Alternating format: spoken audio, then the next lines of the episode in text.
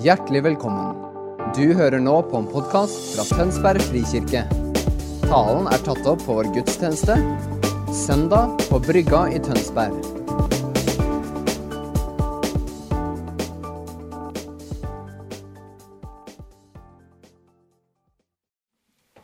Takk for favorittsalmen min. Takk til dansen. Det var en tid hvor jeg ikke likte sånt. At folk kom opp med flagg og drev og danset sånn på scenen. og vi hadde lovsang sånn, Det syntes jeg var veldig forstyrrende. Og det plaget meg litt. Og jeg håpet at vi aldri skulle få det i Frikirken. Men det, når jeg er blitt litt eldre, da, og litt grann fri mine fordommer, så ser jeg at det har noe med Guds kreativitet å gjøre. Han liker det faktisk. Så er det litt ubehagelig å komme til sånne erkjennelse at Gud liker ting som ikke jeg nødvendigvis liker. Da foreslår jeg at du jenker på det du ikke liker. Takker deg. Hvor var det den? Ja. ja. Stå på. Og så er det eksempler på at holdt på å si, unge og gamle på en måte blir inspirert av Den hellige ånd uttrykker noe i det åndelige, det kroppslige. Hvordan det er et budskap som rører ved mennesker og frigjør mennesker. Aldri undervurder det rare Gud finner på. Og Det er noe sånt jeg skal snakke om. Men eh, i dag så er det da 'Skriv din historie'. Vi får et sånt fint der. Ja. Vi har et tema gjennom 2020. Skriv din historie med mitt liv.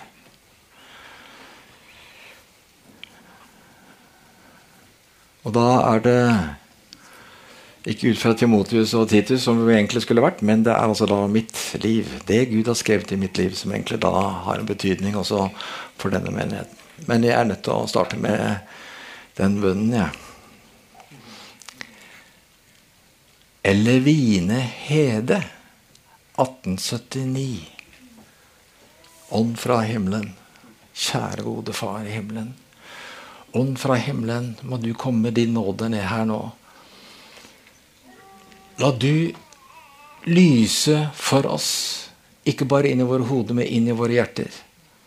Og så la din guddomsmakt få lov til å råde slik at vi blir gjort vise til din salighet, at vi skjønner hva det åndelige handler om. Og så må du forklare livets ord, så det virker hva du vil. Og så kan vi dets kraft her erfare, og så fylle vår sjel med hellig ild. Amen. Gud er altså da historien og verdens herre, enten vi følger ham eller ikke. Og Gud liker da å skrive sin historie i mennesker, om de vet det eller ikke, og legge inn i dem og bruker dem som redskaper i hans store historie.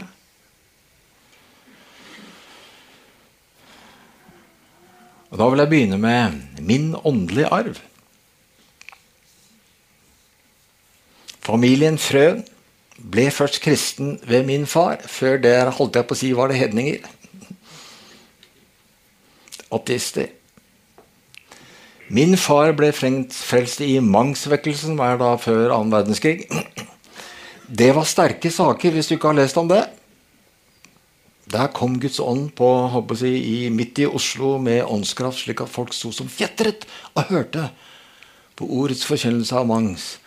Og Så kom Sinsakjell på dem, og så omvendte det seg til Gud. Og min far var da altså da en av dem. Hans far, altså min bestefar, mislikte sterkt det som skjedde med min far, og enda sterkere da min far sa at han skulle bli prest. For eh, bestefar hadde bestemt at eh, hans sønn skulle bli ingeniør. Men far fulgte Guds kall, selv om det da kostet. Så ble det praktikum da de skulle lære å preke. Og det fungerte særdeles dårlig for min far. Han var svært kjedelig å høre på. Og han var så kjedelig å høre på at de anbefalte ham å ikke bli prest, men å bli lærer. For man kunne jo ikke plage noen menighet med en sånn forkynnelse. Og Fortvilet så presset han seg da på Gud og sa i undring over kallet og hans manglende evne til å fullføre det Gud kalte han til. Og folkens, det kan du lære av. Så en dag kom det en predikant fra Sverige. Profeterte over ham på et bønnemøte. Og det gikk som si, slik at Gud skulle legge sine ord i hans munn.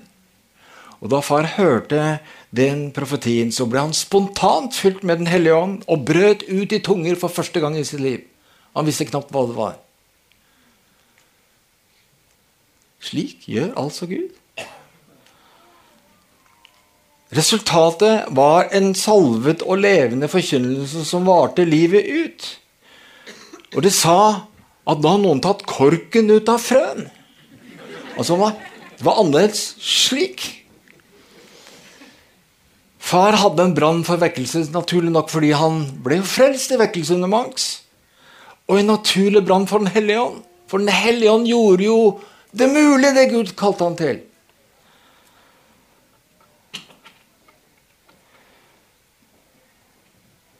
Dette er min arv. Min åndelige arv.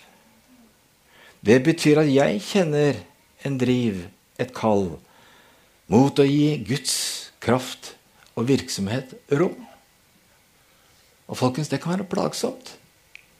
For jeg vet at det kan plage mennesker. Det skaper nemlig naturlig spenninger for alle har det ikke slik i utgangspunktet. Men Gud gir det til noen. Det var min arv. Så på grunn av min mor og eldre søster ble jeg frelst gjennom studentbevegelsen Navigatørene. De drillet meg inn i aktiv disippeltrening, bønn, bibellesning, vitnetjeneste. Det ble en daglig del i mitt liv. Og så kom en krise da jeg kom i militæret. I dette ukristelige miljøet som jeg da kom inn i, greide jeg ikke lenger å leve slik jeg gjorde i navigatørmiljøet. Og det provoserte fram et behov om at Gud måtte gjøre noe mer hvis jeg skulle få til dette kristenlivet. Som jeg følte var standard, som navigatørene var tydelige med. Det var altså en krise i mitt liv om at jeg ikke var bra nok. Og folkens, Det uttrykket har jeg hørt mange ganger senere. At kristne tydeliggjør en standard, og så føler man at man ikke er bra nok. Jeg begynte i det. Svaret ble veldig tydelig. Jan Helge, du trenger Den hellige ånds gjerning og hjelp i ditt liv. Så han kan gjøre deg bra nok. Og det er en forskjell. Det handler altså da om erkjennelsen av et behov som ligger må møtes utenfor deg, eller fra noe utenfor deg. Og så ta imot den hjelpen. Altså høre hva Ånden sier, eller fornemme hva Ånden sier, og gjøre det han sier. Lydighet til åndens stemme fører nemlig til åndelig frykt eller resultat eller virksomhet i våre liv. Og det jeg gjorde da når jeg hørte dette her, så søkte jeg selvfølgelig forbønn. Og selvfølgelig opplevde jeg ingenting når de ba for meg.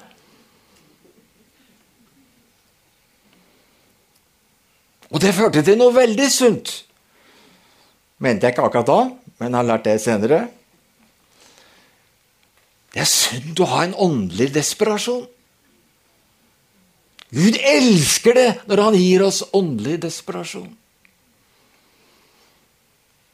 For det tydeliggjør for oss og for Gud at vi virkelig trenger Han, og det er det det handler om. For vi tror at vi kan greie oss på egen hånd i vår kristendom, og da er det mer en dom enn en kristent liv lettvinte quick-fix. Kjære Gud, gi meg det, og så får du det. Det svinner fort bort. Hvordan den var, Gud holdt på med noe. Han holdt på å skrive noe som jeg ikke ante hva egentlig handlet om. Så takket være to stae amerikanere av alle ting som ikke ville gi seg så lett. Jeg har lurt på senere om Gud snakka til dem spesielt. Etter at jeg fullført den eh, køen, og mange hadde blitt møtt av Gud. Og at Gud sa til dem nå, gutter, nå må dere huske han karen der borte, for jeg skal skrive noe i hans liv. De kom iallfall tilbake til meg. Og så har jeg pleid å si det slik at de ba lenger for meg. Jeg Glem den klokka, gitt. Så koselig, da. Nå får vi sette den på, da. Ja.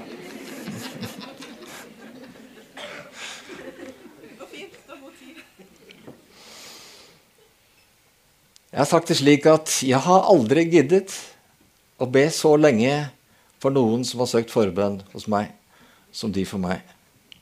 Sånn er det bare. De sto på, og så kan jeg si det slik at de hjalp meg forbi mine fordommer inn i møte med Den hellige ånd. Det var som de løftet meg over det som hindret i meg, slik at jeg møtte Gud. Og det er vakkert. At det finnes slike mennesker. Det går altså an, det. Hjelpe mennesker over deres fordommer inn i møte med Gud. Jeg lærte mye i den erfaringen. Det at ting ikke skjer med en gang vi ber om det, betyr ikke at Gud ikke har noe for deg.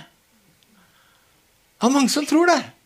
At du ber om det, og så får du det ikke. Nei, så skal ikke jeg ha det. Det er ikke slik. Noen ganger kreves det utholdenhet, og noen ganger kreves det også hjelp av andre. La oss derfor skape miljøer som hjelper andre. Ånden kom overraskende med sin kjærlighet som fylte meg. Og det var en sterk følelse. Og så lenge den varte elsket jeg alle rundt meg. Det var snodig, og det var tankevekkende. Hvordan jeg plutselig hadde en Guds kjærlighet til mennesker som egentlig ikke noen av dem likte jeg ikke noe særlig godt, og hadde litt problemer med, må jeg faktisk innrømme. Men da var jeg fylt med inderlig kjærlighet for dem. En stund. Så ble jeg normal igjen. Men Gud skulle komme tilbake til på en måte prinsippet i den erfaringen. Så ble jeg altså da kalt av Gud. da. Denne berøringen av Den hellige ånd skapte en lengsel etter å tjene Gud så mye som mulig. Og like før eksamen da i ingeniørstudiet mitt så tryglet jeg faktisk, litt av et paradoks, Rett før eksamen holder på med eksamenslesing, så ligger jeg på kne og så trygler jeg Kjære Gud, må jeg slippe å bli en ingeniør? Og vet du, han svarte bønn. Jeg besto eksamen, men jeg, han svarte bønn. Jeg ble med min far og storebror Eivind og Øyvind Hofstad og gjerne Ivar Sværen og andre inn i denne fornyelsesbølgen som da kom som starten på den karismatiske vekkelsen. UiO ble startet, og Elin, og jeg ble da med i den. Så hopper vi over alt den store, lange epoken i uh, Ungdom i oppdrag og lander da i Tønsberg. Og da er det som skjer, er det som jeg kaller altså Guds tanke til meg om fundamentet i kristen virksomhet. Altså Jeg ser det på, på en måte som min teologiske utdannelse for menighetsarbeid. Også min pastorutdanning kommer nå. Tidlig et år her i Tønsberg så følte jeg at Gud skulle si meg noe spesielt. Det var en veldig rar følelse. Gud skulle si meg noe. Og det, det, var jo fint. Og ventet at jeg fikk svaret neste uke. Det fikk jeg jo ikke. Folkens, det gikk ni måneder. Og jeg kan love deg at jeg var frustrert og holdt på å gi opp mange ganger. Men så, etter konkrete lydighetshandlinger hvor jeg følte at Gud sa jeg skulle gjøre sånn, jeg skulle gjøre sånn, og jeg gjorde det, så svarte Gud. Og da han svarte, så svarte han tydelig. Og La meg understreke det til dere. Jeg er ikke i tvil om at ikke Gud snakka til meg gjennom det som kom. To hovedting snakket han til meg med. og Det ene er gjennom en eh, amerikansk misjonær som heter David Hovse. Ukjent for dere alle sammen. Men hans vitnesbyrd ble for øvrig sendt ut til alle nasjonale YWAM-ledere. Eh, så på en måte han ble jo eksportert eh, sånn. Men ikke alle kanskje hørte hva han sa, men jeg gjorde da det omsider. Når jeg kom til Tønsberg. Eksempelet Moses. Det var uaktuelt å lede Israel til løfteslandet uten at Guds nærvær gikk med. Det holdt ikke med en engel. Og Hvis du ikke er klar over det, så hadde det vært enklere med en engel. For Guds nærvær handler om Guds virksomhet i og gjennom oss ved Den hellige ånd. Og det kunne i Gamle Testamentet være farlig. Du kan lese sånn historie at når du rota det til, så døde 20 000 mann. Ja. Så Guds nærvær er ikke sånn som, som du leker med, iallfall ikke i Gamletestamentet. Menneskelig var altså da tryggere med en engel. Så ser vi til og med i Nytestamentet er at når gudsnærværet kommer, som også da Moses insisterte på, så blir det utfordrende. Gode, åndelige mennesker begynner å reagere, og det er motstand, og det kan bli splittelse. Det er mye rart som skjer. Men uten altså da Guds virksomhet ved Den hellige ånd blir menighetsarbeid mye menneskelige greier. Og også strev. Du avhenger da av menneskelig dyktighet til å lage vellykkede menigheter som mange liker. Så er spørsmålet hva kan fremme dette nærværet eller Guds virksomhet? var jo da spørsmål som Daniel House har vitnet om. Og Da sa han gi det bevisst rom. Vær bevisst at åndskraften eller åndsnærværet, Gud selv, kommer nær. Hvorfor? Jo, for å virke på deg. Gjøre noe i deg. Ok, så kan du si det ut og be det, da. Kom, Hellige Ånd. Kom, Gud Far, Jesus, altså hva du vil. Og så sa han at eh, en av de tingene som kan hjelpe oss å på en måte åpne det rommet, men som også en annen eh, ting, er tilbedelse i ånd og sannhet. Og da sier jeg i ånd og sannhet.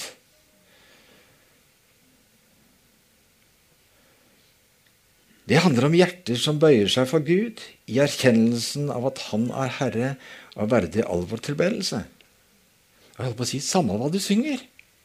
Du kan synge do, re, mi, fa, sol, la, si, da, do.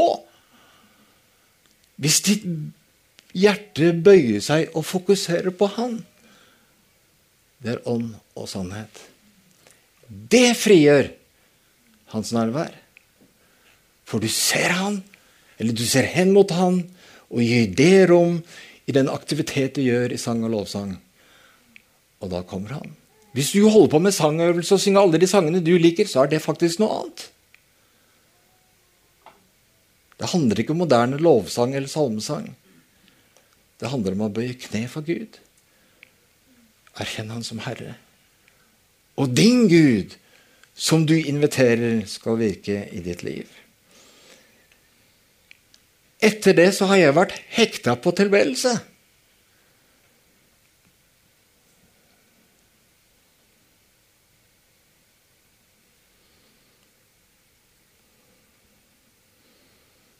Andre tingen. Åpenbaringen om Guds kjærlighet. De fleste av dere har hørt meg fortelle om det. Det var en lignende erfaring som da jeg ble åndsfylt og kjente på en måte Guds kjærlighet eh, komme. Men nå var det veldig mye sterkere. Altså I bilen mens jeg kjørte, var på vei til Stavanger. Jeg vet ikke hvor langt ned i Tele Telemark et sted eh, kom jeg. Så kom faktisk Gud inn i bilen, hvis du kan tenke deg hvordan det kan eh, være. Det blir lite rom til andre ting da. Men han kom med sitt kjærlighetsnærvær. Det var overveldende. Det førte til en spontan trang, som jeg uttrykte der i bilen. At jeg måtte opp på ethvert fjelltopp i Norge og proklamere realiteten i det jeg følte. Alle må få høre hvordan Guds kjærlighet er.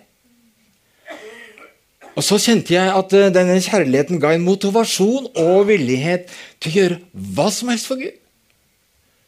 Jeg hadde en erkjennelse eller en følelse av at jeg hadde ikke noe som var mer, mer viktig enn denne Guds kjærlighet. Det syns jeg var veldig tankevekkende. Så forsvant den. Og motivasjonen og villigheten til å gå på enhver fjelltopp forsvant. Eller ble mindre, iallfall. Så en dag hørte jeg Gud overraskende si 'I have a dream'. Skal ikke male det ut. Men skjønte først lite av det, for jeg hadde jo ikke hatt noen drøm. Og så Etter en stund så forsto jeg at det handlet ikke om min drøm eller vår drøm, men at Gud har en drøm. En drøm om en menighet. Hvor kjærlighetsnærværet er et fundament og en drivkraft eller motivasjon. Og så kjente jeg at Gud kalte meg til pastor for det. For det.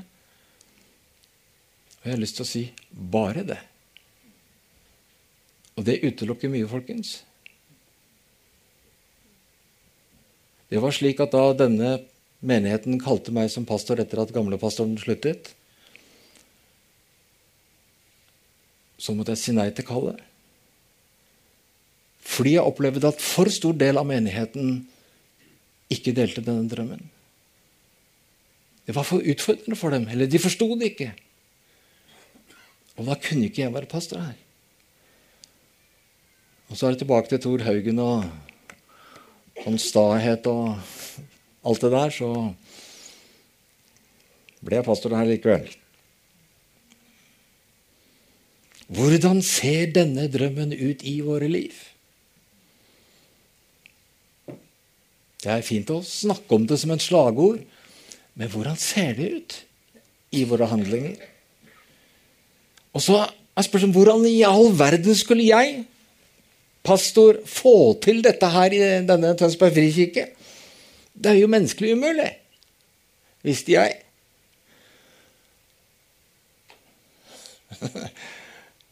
Kan du forestille deg at du har en arbeidsoppgave og et mål om noe som du vet du ikke får til? Hva gjør det med inspirasjonen din? Men det var det jeg kjente. Dette går ikke. Og så visste jeg bare at det måtte være et Guds under. Gud måtte gjøre noe.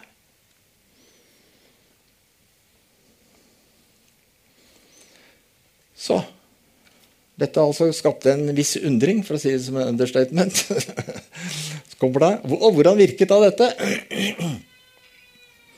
Og så er det jo slik, da, tenkte jeg, og ba over dette her Kan man få en slik kjærlighet som da jeg hadde erfart? Ved bønn og håndspåleggelse skal jeg begynne å be for hele menigheten. Og og håpe at de får den samme kjærlighetsopplevelse som jeg fikk, for da vil jo alle være motivert til hva som helst med Gud vil. Problemet var at jeg var jo ikke der lenger. Den følelsen var der, og så gikk det jo. Er sterke opplevelser med Gud om kjærlighet er det målet? Skal vi prøve å få til det? Men så har jeg altså forstått at Gud er ute etter å lære oss å elske. At vi velger det. Og at kjærligheten så vokser når vi fortsetter å velge den. Særlig når det koster. Da har jeg oppdaget det at det er ålreit at det er noen iblant oss som er litt vrange.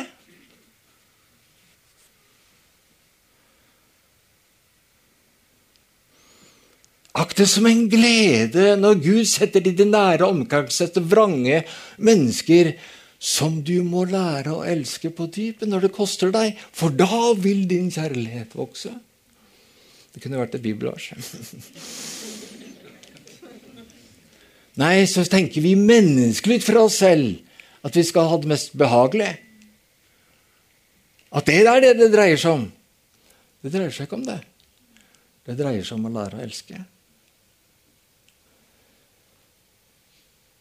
Så hvis bare vi fikk Guds kjærlighet dalende over oss som en følelse, som altså jeg da fikk, men så forsvant den igjen. Hvilken del har vi da i den kjærligheten? Da er det noe som kom og gikk. Og det er Guds kjærlighet, egentlig ikke min. Jeg er bare påvirket av den. Hvordan kan den bli en del av meg før den forsvinner? Jeg holdt på å si Det er som ethvert forelsket par. Og det pleier jeg å si til dem når dere er ekteskapsveiledning, at men så lenge, så lenge du er forelsket, lær å elske. Da har du iallfall motivasjonskraften til det.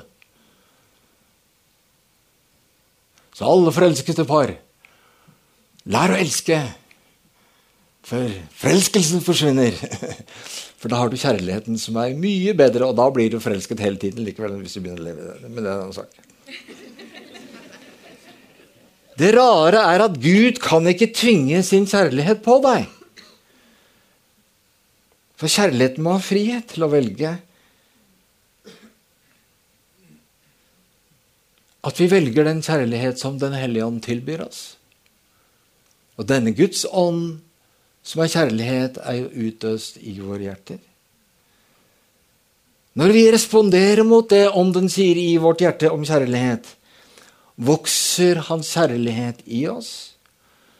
Og så er også en åndsatmosfære i det miljøet du har av kjærlighet, vil hjelpe deg til å ta nettopp slike valg. Det viktigste spørsmålet er derfor om vi lærer å elske. Lærer å elske Gud, lærer å elske hverandre. Det viktigste vi lærer disippelskap, er ikke kunnskap, men å lære å elske. Det viktigste vi må lære i alle relasjoner, er å elske. Og det viktigste vi må lære våre barn, er å elske. Og det er noe helt annet enn å bare lære dem det som er rett, ut fra frykt om dom og straff, som dessverre preger mye kristendom. Derfor er det mange barn som vokser opp og ikke fortsetter å elske Gud. Fordi de aldri, ble aldri introdusert for og lært å elske Gud. Isteden var det regler, dom og straff. Ettersom jeg skjønte det, kommer den her, en oppsummering, så jeg på dette som en altså embetseksamen for menighetsliv. Jeg besto! Behovet for Guds nærvær eller virksomhet, sann tilbedelse fra hjertene og lære å elske. Det er det det handler om. Dette kan vi kalle kjærlighetskultur. Eller å leve i Guds familie, sier vi. Og det handler om en blanding av en Guds virksomhet iblant oss og at vi lærer å elske. Du må ha begge deler. En Guds virksomhet og at jeg lærer å vende meg om til et liv å elske. Så hvordan Når jeg hadde den forståelsen, så hvordan skulle jeg gjøre dette her? Hva var prosessen i dette? Hvordan skrev Gud dette her inn i mitt liv? Vår opplevelse med Gud handler ikke bare om oss selv, bare så du vet det, men det Gud holder på med. Det er lurt å huske på innimellom. Hans historie, altså. Og hva har altså Gud sagt opp gjennom tiden som peker mot dette som jeg beskrev nå som på en måte min embetseksamen? Og jeg skal nevne noen. Her hadde jeg, når jeg kom så langt i min tankeverden, så tenkte jeg nå har jeg problemer, for nå må jeg luke ut en del. Så nå får det bare noe. ok? I 2005 skjedde det noe meget merkverdig. En av bønnerdamene våre, som heter Rosie Andersen, kom og sa at Gud hadde gitt henne et profetisk bilde for menigheten. Og det er jo spennende når folk kommer og sier det til pastoren. Og Hun fant så dette bildet som hun da fikk eh, mentalt, på internett. Og hun sa 'der er det jo!' Så tok hun lasta det ned, eh, altså printa det ut. Og så kom hun da til meg, og der har du det bildet. Da jeg så på det bildet det lå foran meg på, på sofabordet, så skjedde det veldig rart. For det hvite der vannet begynte å røre på seg. Og jeg husker at jeg måtte Hva er dette her for noe?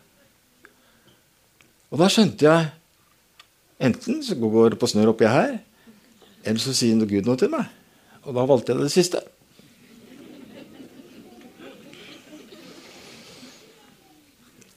Da dette bildet ble vist av gamlekjerka, så sa de nei, se her, sa de. Så vet ikke om dere ser en sånn stolpe på siden av en bue over sånn en stolpe ned på den andre siden.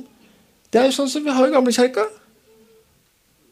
Og så sa de som var riktig gamle blant oss at der den buen er nå, rett under den der buen nå, er den Jesusfiguren, oppstanden Jesus, som henger oppe i, i eh, kapellet vårt.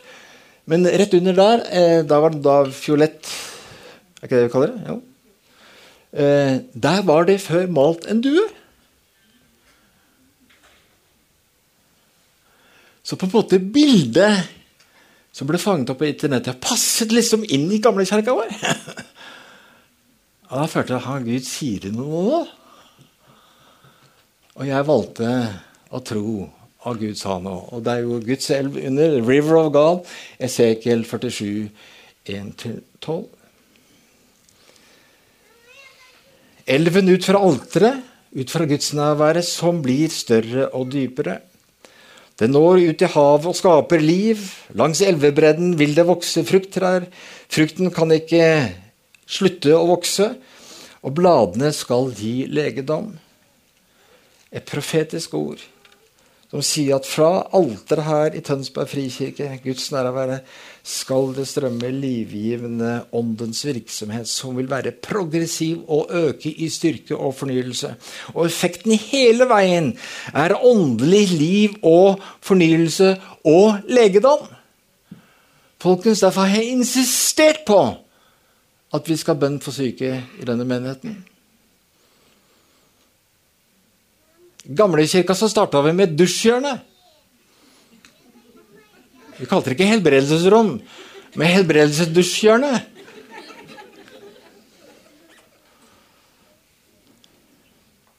Jeg tror det var Guds ord til oss som menighet.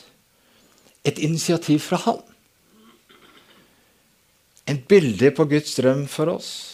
Åndelig fornyelse fra Gud som fører til liv og erfaring av Gud som også betyr helbredelse, og som må gis videre til nasjonene og ut i verden. Vi kan ikke holde det for oss selv.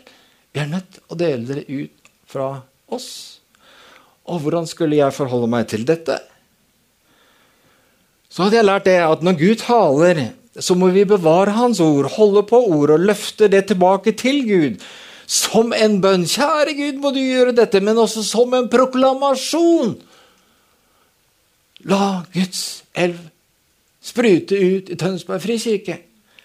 Vi må erklære vår enighet med himmelen om Hans ord om oss.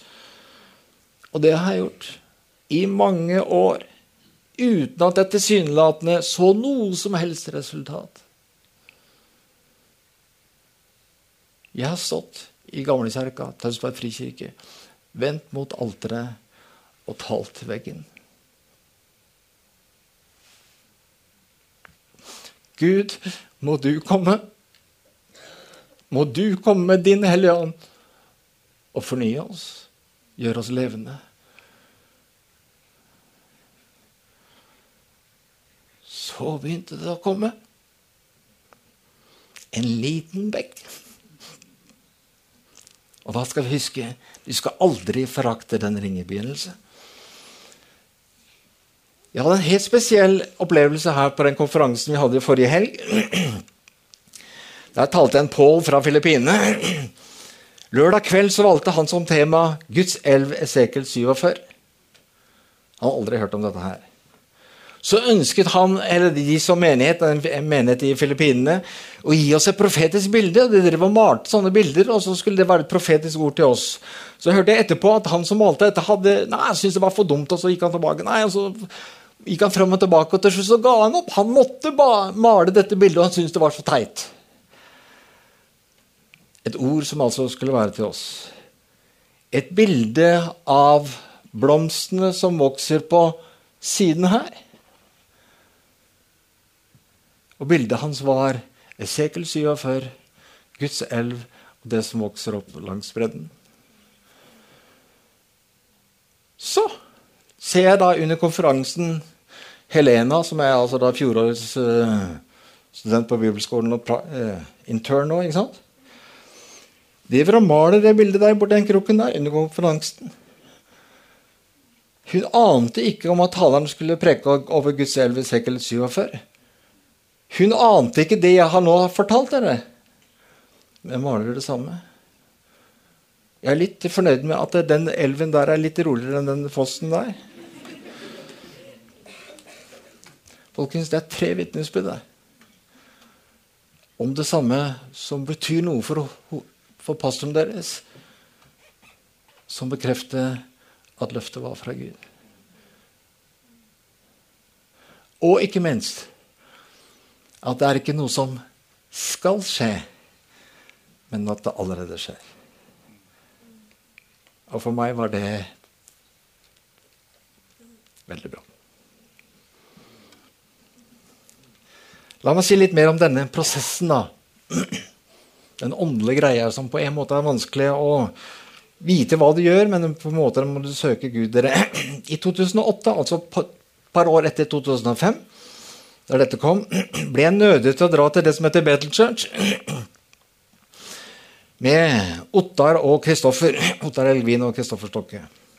Vi hadde ingen spesiell forventning mer enn å finne ut hva det rare der borte var. for vi hadde hørt noen rariteter om det. for å si det sånn. Så finner jeg altså Gud på noe som bryter alle mine komfortgrenser. Ikke mitt valg. Jeg liker mine komfortgrenser. Men idet jeg går gjennom inngangsdøra på Bethel Church, kjenner jeg gudsnærvær som det er mange år siden jeg har erfart noe lignende. Jeg lurer på Gud, hva i all verden gjør du nå? Like etterpå, før jeg kommer ut av den, den greia der, så treffer jeg noen norske ungdommer, hvor Anette nå Stokke er en av dem. Jeg hilser på henne og blir helt satt ut. Undrende over hva jeg opplever Se altså da at Gud bruker en ung dame til å forsake en kraftig fornyelse eller en kraftig uvanlig åndsberøring av meg. Altså Gud lar altså meg, en eldre pastor på 60 år, ta imot fra Gud gjennom en ung dame. Hadde ikke så mye valg, egentlig. Altså ikke de andre pastorene i menigheten og forbederne, men en av elevene.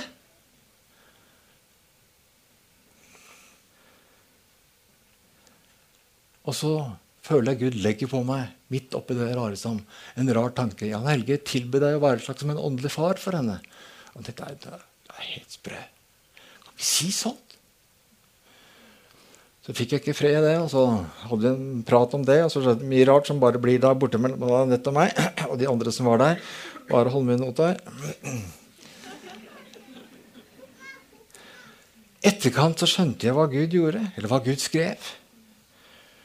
Og det var som så. Jan Helge, det er en forbindelse mellom Jesusvekkelsen som du var ungdom i, og denne tidsvekkelse som Anette er ungdom i. Og du er nå en far som skal gi deg rom. I Jesusvekkelsen, hvis du ikke vet det, så var det få åndelige fedre. Det var få menighetsledere som ga det rom. Og Da hørte du et eksempel fra her i Frikirken hvor vi ikke ga det rom. Og så ble det veldig tydelig for meg at fedrenes hjerte må vende seg til barna. Og barnas hjerte må vende seg til fedrene. Generasjonene hører sammen i Guds rike og i Guds familie. Og så ble jeg veldig bevisst på å gi rom for å beskytte det Gud fant på å gjøre i ungdommene våre. Selv om du ville utfordre meg. Selv om de ville gjøre ting som jeg øh, kanskje følte var på streken. Og andre reagerte mot. Den andre viktige tingen som vi lærte i Betel, er øh, dets forståelse av kultur. og Det har menigheten hørt mye om. Og Da er tanken at mange kan bli fornyet av Guds ånd eller Guds kjærlighet. Men effekten av det vil forsvinne hvis den ikke pakkes ut i en kultur som beskriver det samme.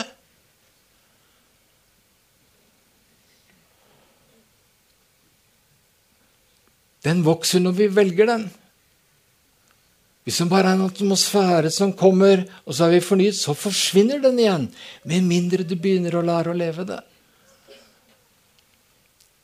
For den vokser når vi velger å leve den, og den dør når vi ikke gjør det.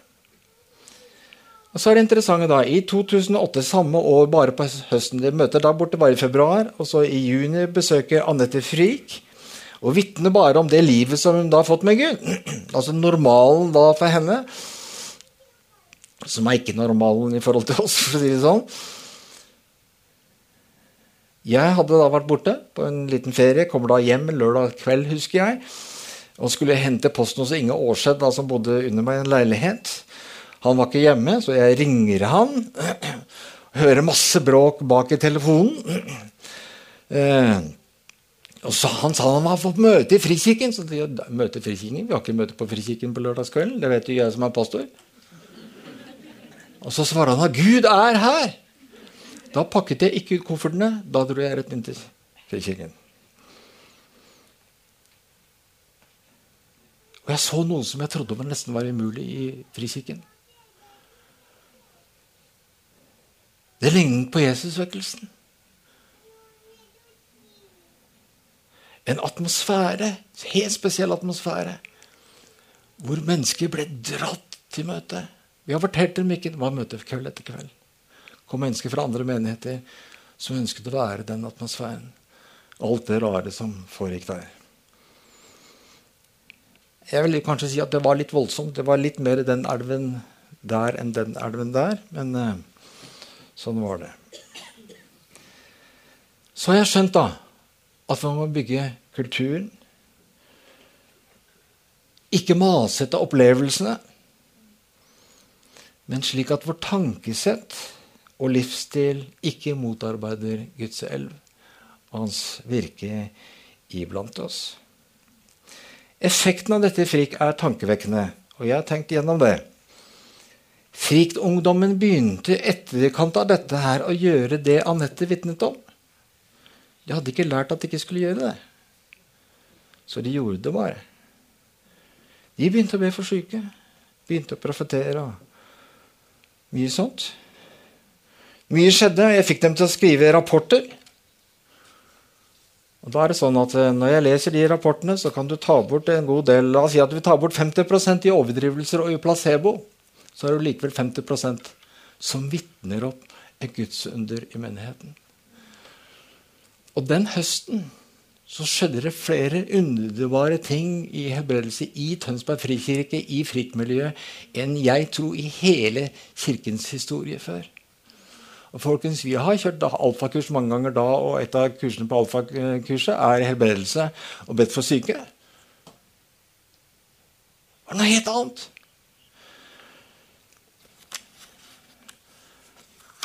Jeg fikk rapporter. Her er rapporter om helbredelse i fritt miljø.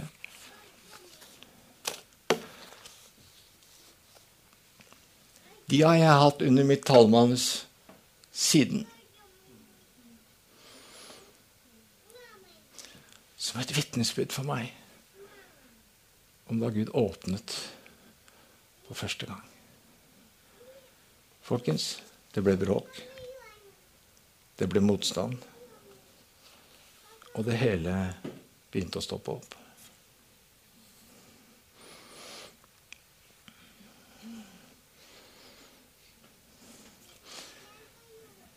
Jeg valgte da den høsten å gi dette rom. Selv om det var uvanlig, selv om jeg visste at det var sårbart, så har jeg lært at det som kan hindre Guds virke i oss, er at vi tar anstøt av noe som ikke er trygt for oss. En reaksjon mot det som er uvant og fremmed. Det er helt naturlig å reagere slik.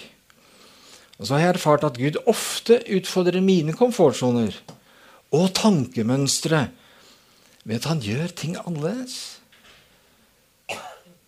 Og gjerne også bringer fornyelse faktisk gjennom personer som jeg opplever er utfordrende og støtende.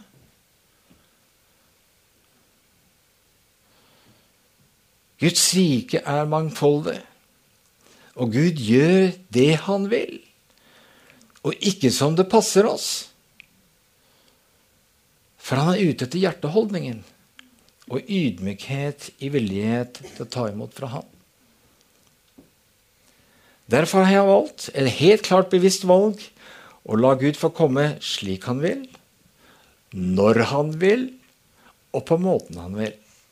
Og noen ganger har han tatt meg på ordet, slik at jeg har vært forlegen. Og jeg vet at jeg har vært til anfektelse for noen som har sett det. For det viktigste er at han kommer, og at han virker i meg med sin gode Hellige Ånd. Og så er det en annen side på dette. At alle er ikke i utgangspunktet grepet av det samme. Grepet av denne drømmen som jeg har pakket ut for dere. Ord om Guds nærvær, opplevelser av Gud og tilbedelse og formen på den kan være fremmed. Og du kom kanskje hit til Tønsberg frikirke av en helt annen grunn. Og utfordrende kan det da være å høre hva jeg opplevde Gud ba meg om, som skal prege denne menigheten. Men jeg opplevde at det er Gud som ba meg om det. Og Da håper jeg at du gir både deg selv og oss en raushet og tid. Og at det kan bli på en måte kjennetegnet Tønsberg frikirke. En raushet. Gi hverandre tid. Forståelse at vi prøver å unngå å ta anstøt. Ta den tid vi trenger til å undres, og så kanskje se at dette likevel er verdt for meg å søke. For vitnesbyrd i manges liv er at det forandrer deres liv. Kjære menighet. Gud har en drøm om et fellesskap. Mennesker som tilber ham. Han lengter etter det. Han lengter å la Den hellige ånd virke med sitt kjærlighetsnær. Og la sitt At mennesker lar sine sinn bli fornyet til å leve kjærlighet. Det er et Guds under å erfare det. Og det er Guds menighet. Eller det er Guds familie. Så plukket han altså da ut en, en ikke altfor smart mann, som har mange mangler og så skriver han denne drømmen inn i hans hjerte, mitt hjerte. Så er min glede stor når jeg ser at Morten har den samme drømmen. Faktisk har Gud sagt mye av de samme tingene til ham.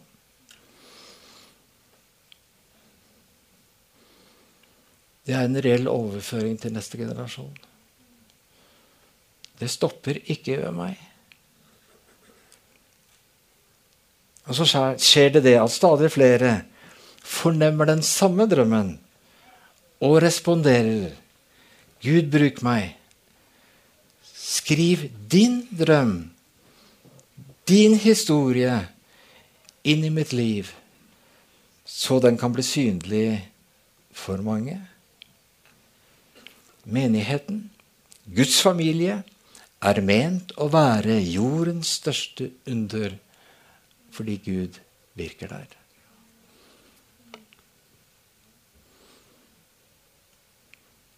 Jeg vet ikke helt eh, om jeg skal danse nå, eller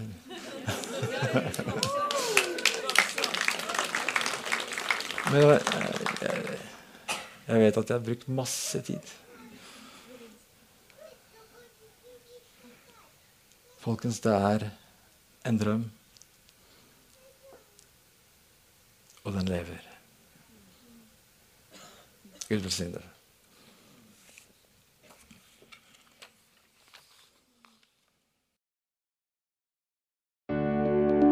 Takk for at du hørte på vår podkast. Har du spørsmål eller ønsker du å vite mer? Søk oss på vår nettside tonsbergfrikirke.no. Du er også velkommen til kirke på Brygga i Tønsberg.